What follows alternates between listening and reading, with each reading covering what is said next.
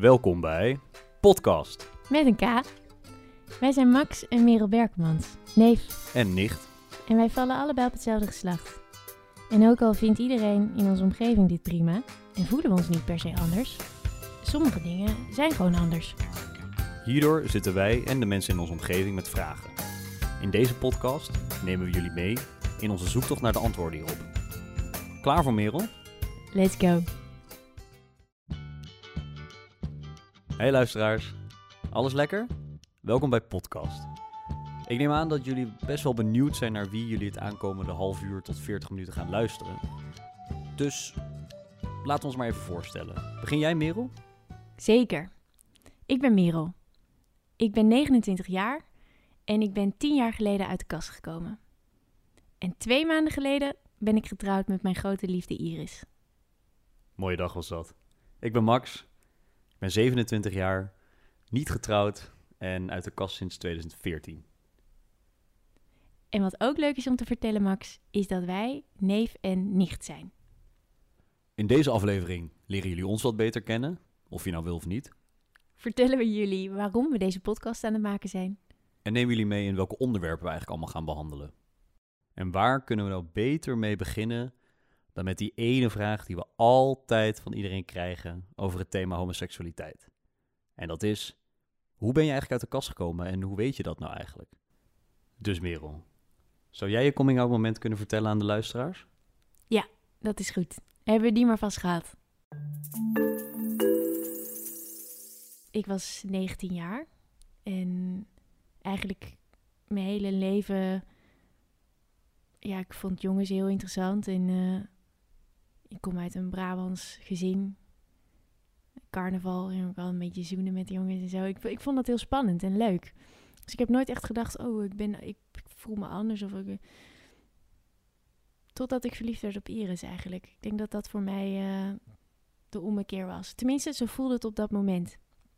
Ik denk achteraf dat ik misschien vroeger ook al wel een beetje verliefd was op meisjes, maar dat nog niet zo durfde te zien. Maar toen ik verliefd werd op Iris, toen was er eigenlijk geen houden meer aan. En eh, zij was mijn eh, huisgenoot op, eh, op mijn studie. En ehm, we raakten heel erg verliefd op elkaar. En dat was voor ons allebei heel nieuw, want we hadden nog nooit een relatie of andere ervaring met een meisje gehad. Dus we hebben dat samen toen een beetje zijn we dat gaan ontdekken. En na een maand dat we dat een beetje in het geheim eh, deden, we samen waren, toen hebben we het verteld tegen onze ouders en onze beste vrienden. En dat vond ik fucking spannend. Ik vond dat echt. eh, ik heb e- echt een slapeloze nacht gehad die nacht ervoor. Hoe gelukkig ik ook was met Iris. Dus dat was best een gek contrast. Maar ik wilde het niet vertellen. Ik, eh, nee, ik was daar echt. eh, het heeft echt even tijd gekost voordat ik dat aan wilde gaan. Want als je het vertelt, dan is het er. Kun je het er niet meer soort van ontdoen of zo. Dus ja, dat was best. eh, vond ik heel ingrijpend. Eh, dus ja, mijn ouders reageerden wel een beetje allebei eh, op een andere manier, maar uiteindelijk allebei heel liefdevol en, en verwelkomend. Net als mijn vrienden. En toen op een gegeven moment ja, ging ik ook nieuwe mensen ontmoeten. En die kenden me toen alleen nog maar als Merel die met Iris is. Dat vond ik best wel een gekke gewaarwording. Dat het een soort voor en na was. Ook al ben jij geen fan van deze vraag, eh, Max, moet jij nu ook. Hoe was het voor jou, jouw coming out? Ja, bij mij ging het eigenlijk wel iets meer in fases en weet ik nog wel dat ik best wel zoekende was. Dus ik heb zowel ervaring met, met gasten als met chicks gehad. Nou, laat ik beginnen met chicks. Meerle, dat was een meisje waarmee ik op vakantie was in 2008 in Indonesië. En ik merkte dat ondanks dat zij een vriend had, dat, dat er echt een heel erg klik tussen ons was. En dat ik me nou, echt het idee dat ik verliefd op haar was. Nou, toen het uit was met de vriend, hebben we ook een paar keer afgesproken. En ja, ook wel het bed gedeeld, maar merkte dat dat niet helemaal chill voelde. En dat ik ja, ook echt heel erg begon te trillen. Nou, einde verhaal. Daarna, in mijn tussenjaar in Spanje, heb ik een jongen ontmoet. Een beetje op een random manier, maar via couchsurfing. eh, genaamd Rafael. En dat was helemaal niet mijn intentie om iets met hem te doen. Maar ja, zo ging het wel. En uiteindelijk was dat dus de eerste jongen met wie, eh, met wie ik ook zoende. Heel spannend, en, maar ook een beetje gek, want een week later was ik weer weg uit Spanje. Einde verhaal. Dan Pim. In het eerste jaar van mijn studententijd. Ik hoorde via via dat hij op gasten viel. En nou, dat, dacht ik dus ook al van, van mezelf te weten. Waarbij we na een paar maanden om elkaar heen te draaien... uiteindelijk ook bij elkaar in bed belanden na een avondje. Superleuk, nog een paar keer uh, weer gebeurd. Maar uiteindelijk ja, zat ik toen denk ik een beetje met mezelf in de knoop... Dat, uh, dat ik het een beetje spannend vond... en uiteindelijk het contact een beetje met hem uh, verbrak. Dus ook weer hier einde verhaal. Zelfde jaar van mijn studententijd. Ik ging veel om met een paar studiegenoten die ook lid waren van dezelfde studentenvereniging. En daar zat een meisje bij, Angela, nog steeds een hele goede vriendin van me. Waarvan iedereen dacht, oh, die twee, die zijn verliefd op elkaar. Uh, en dat ging op een gegeven moment zelfs zover dat we ook een keer gezoend hadden. En dat ik daardoor helemaal begon te twijfelen van, oh shit, uh, vind ik dan toch niet meisjes leuk. Um, waarop op een avond uh, Angela ook naar mij toe kwam en vroeg, ben jij verliefd op mij? Nou, en toen heb ik het haar, was dus de eerste persoon tegen wie ik het durfde te vertellen, verteld van, nou, ik denk dat ik op, op jongens val. Nou, dat geen einde verhaal, ik spreek er nog steeds, maar dat, dat is niks geworden tussen mij en Angela. Um, maar op basis van dat ik het dus tegen Angela had verteld, heb ik het al tegen een paar vrienden verteld, huisgenoten en dus uiteindelijk ook tegen mijn ouders. Um, en toen dacht ik van, shit, nu weten een paar mensen, dus dan moet ik het tegen iedereen vertellen, want het is oude niet open. Maar op een gegeven moment merkte ik wel, ja, als zij gewoon hun mond houden en, en nou, het niet verder vertellen, dan, dan hoeft het niet eens per se een heel, ja, dat iedereen het weet. Dus toen, ja, heb ik dat gewoon een beetje zo door laten kabbelen. Ik weet niet echt precies wat ik dacht, maar ik weet nog wel dat ik toen een paar maanden later uh, naar een festival ging in Amsterdam en daar een meisje tegenkwam, Hanna. En die avond, ik voelde een, echt een zieke klik met haar. Ik dacht, nou, dit is, uh, dit is echt het meisje van mijn dromen. Dus misschien kan ik toch nog wel op een meisje vallen. Nou, uh, na die avond hebben we nog iets van vier, vijf dates gehad. En die vond ik oprecht ook leuk. Totdat we na een gala bij elkaar in bed belanden. En dat ik eigenlijk weer merkte van, dit is het, het voor mij niet. En toen dacht ik wel echt van, nou, zij is mooi, ze is slim, ze, ze heeft een eigen leven ze is eigenlijk alles wat ik zoek in een chick. En ja, als het bij haar niet lukt, dan denk ik gewoon dat het met niemand gaat lukken. Dus toen dacht ik, oké, ik val op jongens. En dat heb ik vanaf toen ook tegen iedereen verteld. Hé, hey, maar Max, waar, waarom doen we dit eigenlijk? Waarom maken wij een podcast over homoseksualiteit? Ja, Meel, ja, ik weet nog wel dat ik jou belde, een jaar geleden ongeveer, met dus het idee om een podcast te gaan maken over homoseksualiteit en de impact die het dan heeft op ons leven. En ja, jij was niet direct heel enthousiast. Nee, dat klopt. Nee. Nee, ik weet, toen jij belde schrok ik ook een beetje, omdat ik dacht, oeh, ja, heel interessant idee, leuk om een podcast te maken, maar waarom ik? Homoseksualiteit is, is natuurlijk wel onderdeel van mijn leven. Ik kan het niet ontkennen. Dat wil ik ook niet. Maar tegelijkertijd wilde ik het ook niet zo neerzetten als hetgeen dat mij definieert. Dus ik voelde daar ook een beetje een soort schaamte van laten we het niet heel groot maken. En eerlijk gezegd, toen ik dat voelde, toen dacht ik, nee, maar dan is het juist interessant. Want dit is precies zo'n aspect ervan, wat je misschien niet altijd door hebt uh, van homoseksualiteit. Dat het niet iets is wat puur gaat over je seksuele voorkeur, maar wat een soort van doorwerkt in je hele leven. Dat vond ik er interessant aan. Ja, dat klinkt op zich wel herkenbaar. Ik moet ook bekennen, luisteraars, als jullie deze podcast horen, dat betekent dat we hem eindelijk gelanceerd hebben.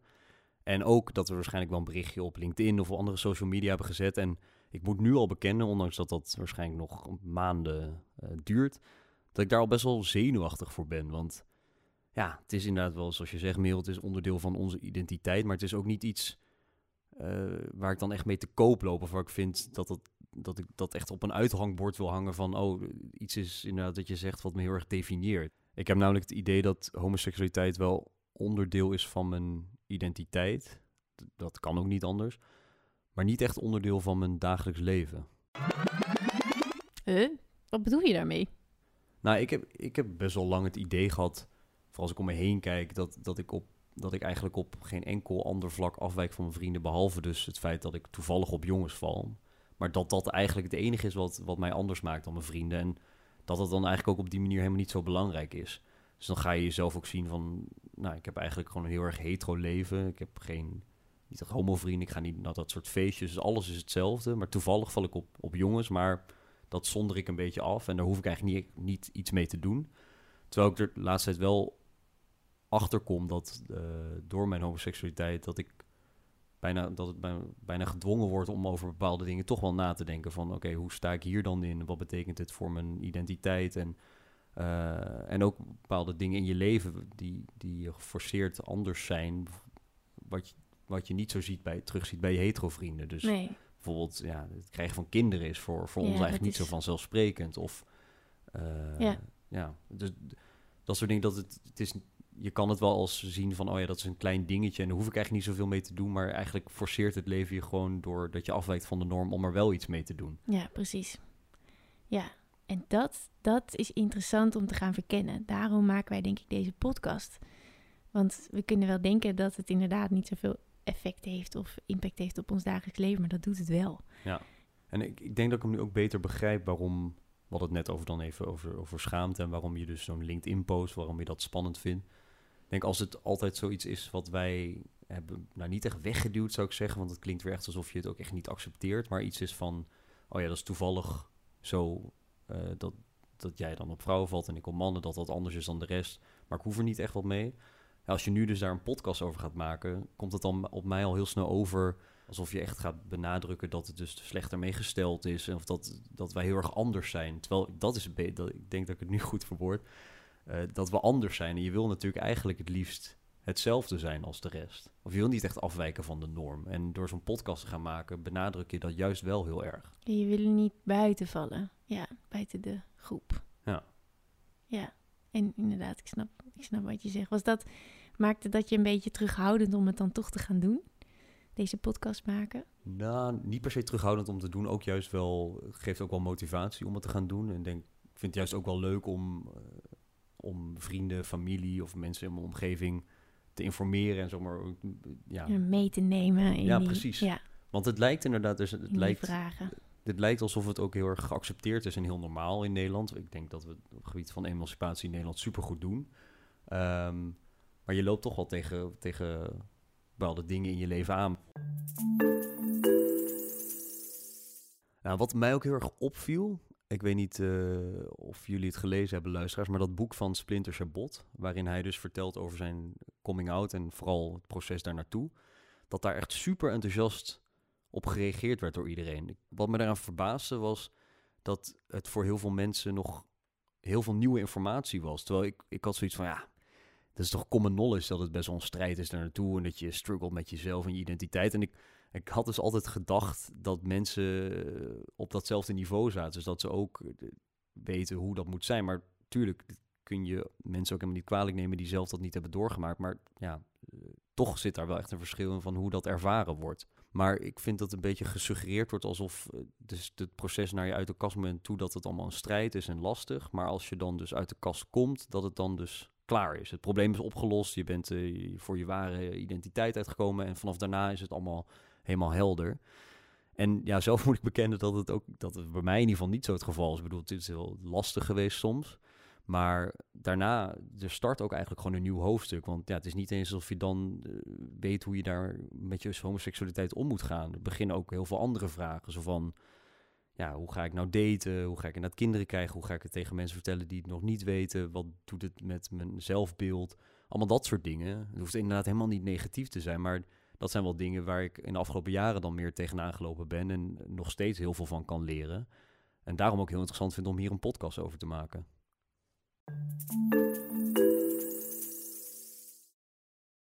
Mij triggerde nog iets anders om deze podcast te maken. En dat was eh, de serie Anne Plus. Dus die is eh, volgens mij in 2018 uitgekomen. Echt een aanrader, luisteraars, om die te kijken. Staat nu op Netflix. En het gaat over een eh, jonge vrouw in Amsterdam. Die, eh, die eigenlijk gewoon de liefde ontdekt. En zij valt op vrouwen. Maar dat is geen enkel moment in de serie een issue. Of dat dat extra benoemd moet worden. Dat dat anders is dan de norm. En het triggerde mij omdat ik dacht: oh, wat een opluchting. Je kan ook zo ernaar kijken. En wat hebben wij dat misschien eigenlijk gemist toen wij opgroeiden? Ja, niet gedaan dus eigenlijk. Niet op een positieve of hele Nee, ik- normale ik, ik, manier weet naar niet of- kijken. Of, jullie nog eh, de biologieboeken herinnerden bij verzorging trouwens, hebben we het er ook over gehad. Het was altijd een soort homoseksualiteit op onze school in ieder geval werd benadrukt als een soort afwijkende statistiek. eh, nooit echt in een heel positief daglicht geplaatst. Ja, we hadden het er niet echt over. En ik zag het ook niet echt zo om me heen gebeuren. En dan zo'n Sirius Anne Plus. Hoe vrolijk, hoe ja, onbevangen. Ik, ik raakte er helemaal door ehm, dat ik dacht, cool, dit, dit is hoe, hoe we er naar zouden kunnen en moeten kijken in mijn ogen. En hoe leuk om dat, om dat soort onderwerpen eigenlijk op zo'n manier te gaan verkennen. Uh, samen met jou, Max, in deze podcast. En ik vind het daarbij extra leuk dat wij neef en nicht zijn. Uh, want dat maakt dat wij ook uh, vanuit een soort van gedeeld perspectief kunnen gaan re reflecteren op deze dingen. Dat, daar kijk ik ook naar uit.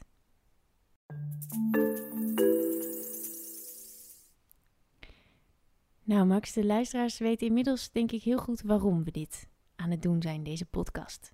Maar wat gaan we nou eigenlijk laten horen? Waar gaan we het over hebben? Ja, goeie vraag, Merel. Wij nemen onze luisteraars dus mee op uh, eigenlijk de ontdekkingstocht, of de zoektocht die wij zelf aangaan. En dat doen we dus over onderwerpen die onszelf boeien en bezighouden. We behandelen die onderwerpen nu even kort en we laten jullie ook even een sneak preview horen van de gesprekken die we hebben gehad. Nou, het eerste onderwerp uh, beginnen we eigenlijk bij het begin en dat zijn onze ouders. Dus we hebben onze vaders, onze moeders allebei gesproken. Omdat ik niet dat gesprek met Max meteen heb kunnen voeren en ik daarna terugreed naar huis, heb ik me in het begin wel zorgen gemaakt over het feit dat hij homo was en hoe zijn leven anders zou gaan lopen als dat hij hetero was. Ja, wat me daarbij het meest is bijgebleven is dat zij eigenlijk, ondanks dat, dat het binnen ons gezin, we, volgens mij hebben we allebei heel ruim denk het gezin, dat het volledig geaccepteerd is, dat ze toch nog best wel zorgen hadden over ons en over onze, met name over onze homoseksualiteit. En dan ja, meer hoe de maatschappij daar eigenlijk naar kijkt. Ja. En dat wij beiden eigenlijk ons totaal niet konden herkennen in die zorgen. Nee, nee. Nee, en toch ook dat generatieverschil van de stereotypes die dan erbij horen en zo. Dat komt ook wel een beetje in die zorgen terug. Dat vond ik ook heel boeiend aan dat gesprek. Ja. We hebben ook gesproken, en dat is een ander onderwerp, wat misschien wat verder van ons bed staat. Want uh, ondanks dat onze oma het misschien heel graag had gewild, zijn wij allebei niet erg gelovig. Um, ik ben wel gelovig opgevoed, jij eigenlijk niet eens. Nee, ja, volgens uh, mijn andere oma waren wij kinderen van de duivel, omdat we niet gedood waren. Oké. maar dat terzijde. Nee, dat is inderdaad iets meer een vreemde int in de bijt. Voor mij zijn geloof en, en homoseksualiteit... Uh, ja, heb ik het altijd gezien als twee onderwerpen die eigenlijk niet zo goed samenpassen. En dat het, het schuurt of zo. Het lijkt net alsof ze niet naast elkaar kunnen bestaan. En ja, dat levert bij mij in ieder geval gewoon heel veel vragen op van... ja, hoe doen mensen die nou uh, homoseksueel en gelovig zijn dat? Hoe combineren ze die twee onderdelen van hun identiteit? Ja. En ja, dat triggerde mij wel om, uh, om in gesprek te gaan met mensen die daar gewoon meer over weten dan wij. Toen hebben we onder andere gesprek gehad met echt een razend interessante man, Willy Elhorst. Uh, hij is predikant in Amsterdam en hij is ook voorvechter van de LHBTI-emancipatie in de kerk. Maar ik heb van meet af nooit een probleem gehad uh, om uh, geloof en mijn seksuele oriëntatie met elkaar te verbinden. In die zin ben ik niet heel erg representatief voor de meeste mensen in mijn omgeving toen. Um, dus dat was niet zozeer een probleem. Ik was veel meer bezig met de sociale consequenties. Want ik, ik wilde, toen ik 15 was, wist ik dat ik ook officier wilde worden. Um, en, en gaandeweg ontdek je dan dat allerlei dingen veel moeilijker zullen zijn uh, dan, dan wanneer je gewoon uh, heteroseksueel was. Wat mij daarvan het meest is bijgebleven is toch wel dat Willy heel erg aanstipte dat je altijd in gesprek moet gaan met anderen. Dus hij, uh, hij maakt, heeft heel erg hard gemaakt voor de emancipatie van de homoseksualiteit binnen de kerk. Maar altijd met een open blik en de bereidheid om niet de ander per se te overtuigen, maar de, de conversatie aan te gaan en daardoor mensen eigenlijk dichter bij elkaar te brengen. Dat vond ik wel echt heel vet. Ja, zeker. We hebben ook gesproken met Tim. Tim is een jongen van onze leeftijd en die is opgegroeid in een heel gelovig gezin. Maar kwam er ook achter dat hij op uh, jongens viel. En uh, dat was in het begin super moeilijk verenigbaar voor hem. Dus ook heel interessant hoe ja. hij dat uh, is aangegaan eigenlijk. Als iemand me vroeg of ik homo was, dan zei ik nee, ik ben hetero. Dat, en dat geloofde ik ook echt. Dus iedereen, iedereen is hetero. sommige mensen hebben homoseksuele gevoelens, maar je bent hetero. Ja. Dat, dat was zeg maar het soort van eh, mantra wat ik bleef herhalen in mijn hoofd. Ehm, ja, dus dat daar, ja, daar ben, zelfs op het toneelschool, terwijl het natuurlijk een hele vrije omgeving is, wat wel eh, een bizar contrast is, maar daar, eh, ja, daar hield ik toch dat beeld. En dan nog een onderwerp wat ik zelf persoonlijk ook wel interessant vind. En stiekem eh, onze moeders denk ik ook wel een beetje. Ja. En dat is de kinderwens. En dat is ook wel eh, ja, een vraag die, die ik zelf heel vaak krijg uit mijn omgeving. Van ja, maar hoe ga je dat dan doen met, met kinderen krijgen? Ja. En moet zelf bekennen dat ik daar altijd heel erg nonchalant over heb gedacht. Dat ik dacht, oh ja, weet je, ik vind wel gewoon een, eh, een lesbisch stel. En dan krijgen we allemaal uh, krijgen we gewoon een, uh, vier kinderen totaal, 2-2. En dan, uh, dan is het klaar. maar nou, ik ben er inmiddels achter dat het niet helemaal zo werkt. Um, want wie hebben we daarvoor gesproken, Merel? Ja, we hebben gesproken met Sarah Koster. En zij is wel echt dé expert op dit gebied. Zij is ook onderdeel van een uh, meeroudergezin. Ze heeft twee kinderen met, uh, met ook twee vaders. En um, ze heeft ook haar professionele leven in het teken gezet van... hoe doe je dat nou eigenlijk als je een kinderwens hebt... maar uh, ja, je bent ook... ja, je zit niet in een, in een, in een soort hetero-relatie... Waar je, waar je dat misschien makkelijk mee kan ja, kan realiseren, die wens. En zij begeleidt mensen daarin. Dus we zijn eigenlijk bij haar op een coachingsgesprek gegaan. Vroeger, zeg maar tien jaar geleden, was het nog... oh, dan kan je dus geen kinderen krijgen. Als je dan als homo tegen je ouders je coming-out had... dan dachten je ouders, oh, nou worden we geen grootouders. En ik vraag dat wel eens in een zaal bij Meer Dan Gewenst. Dus een hele zaal vol uh, wensouders. Dan vraag ik, wiens uh, moeder... Uh, maakte zich zorgen dat ze geen oma zou worden. En eerst gingen er echt heel veel handen omhoog. En nu is het misschien nog 10% of 5% van de handen die omhoog gaat. Is nog steeds veel, dus we gaan het nog steeds volhouden. Maar ik vind het dus wel leuk en bijzonder om te horen dat um, die vraag dus gesteld wordt. Niet van, oh, dan kan je geen kinderen krijgen. Oh, maar heb je al ideeën over hoe je dat dan zou willen?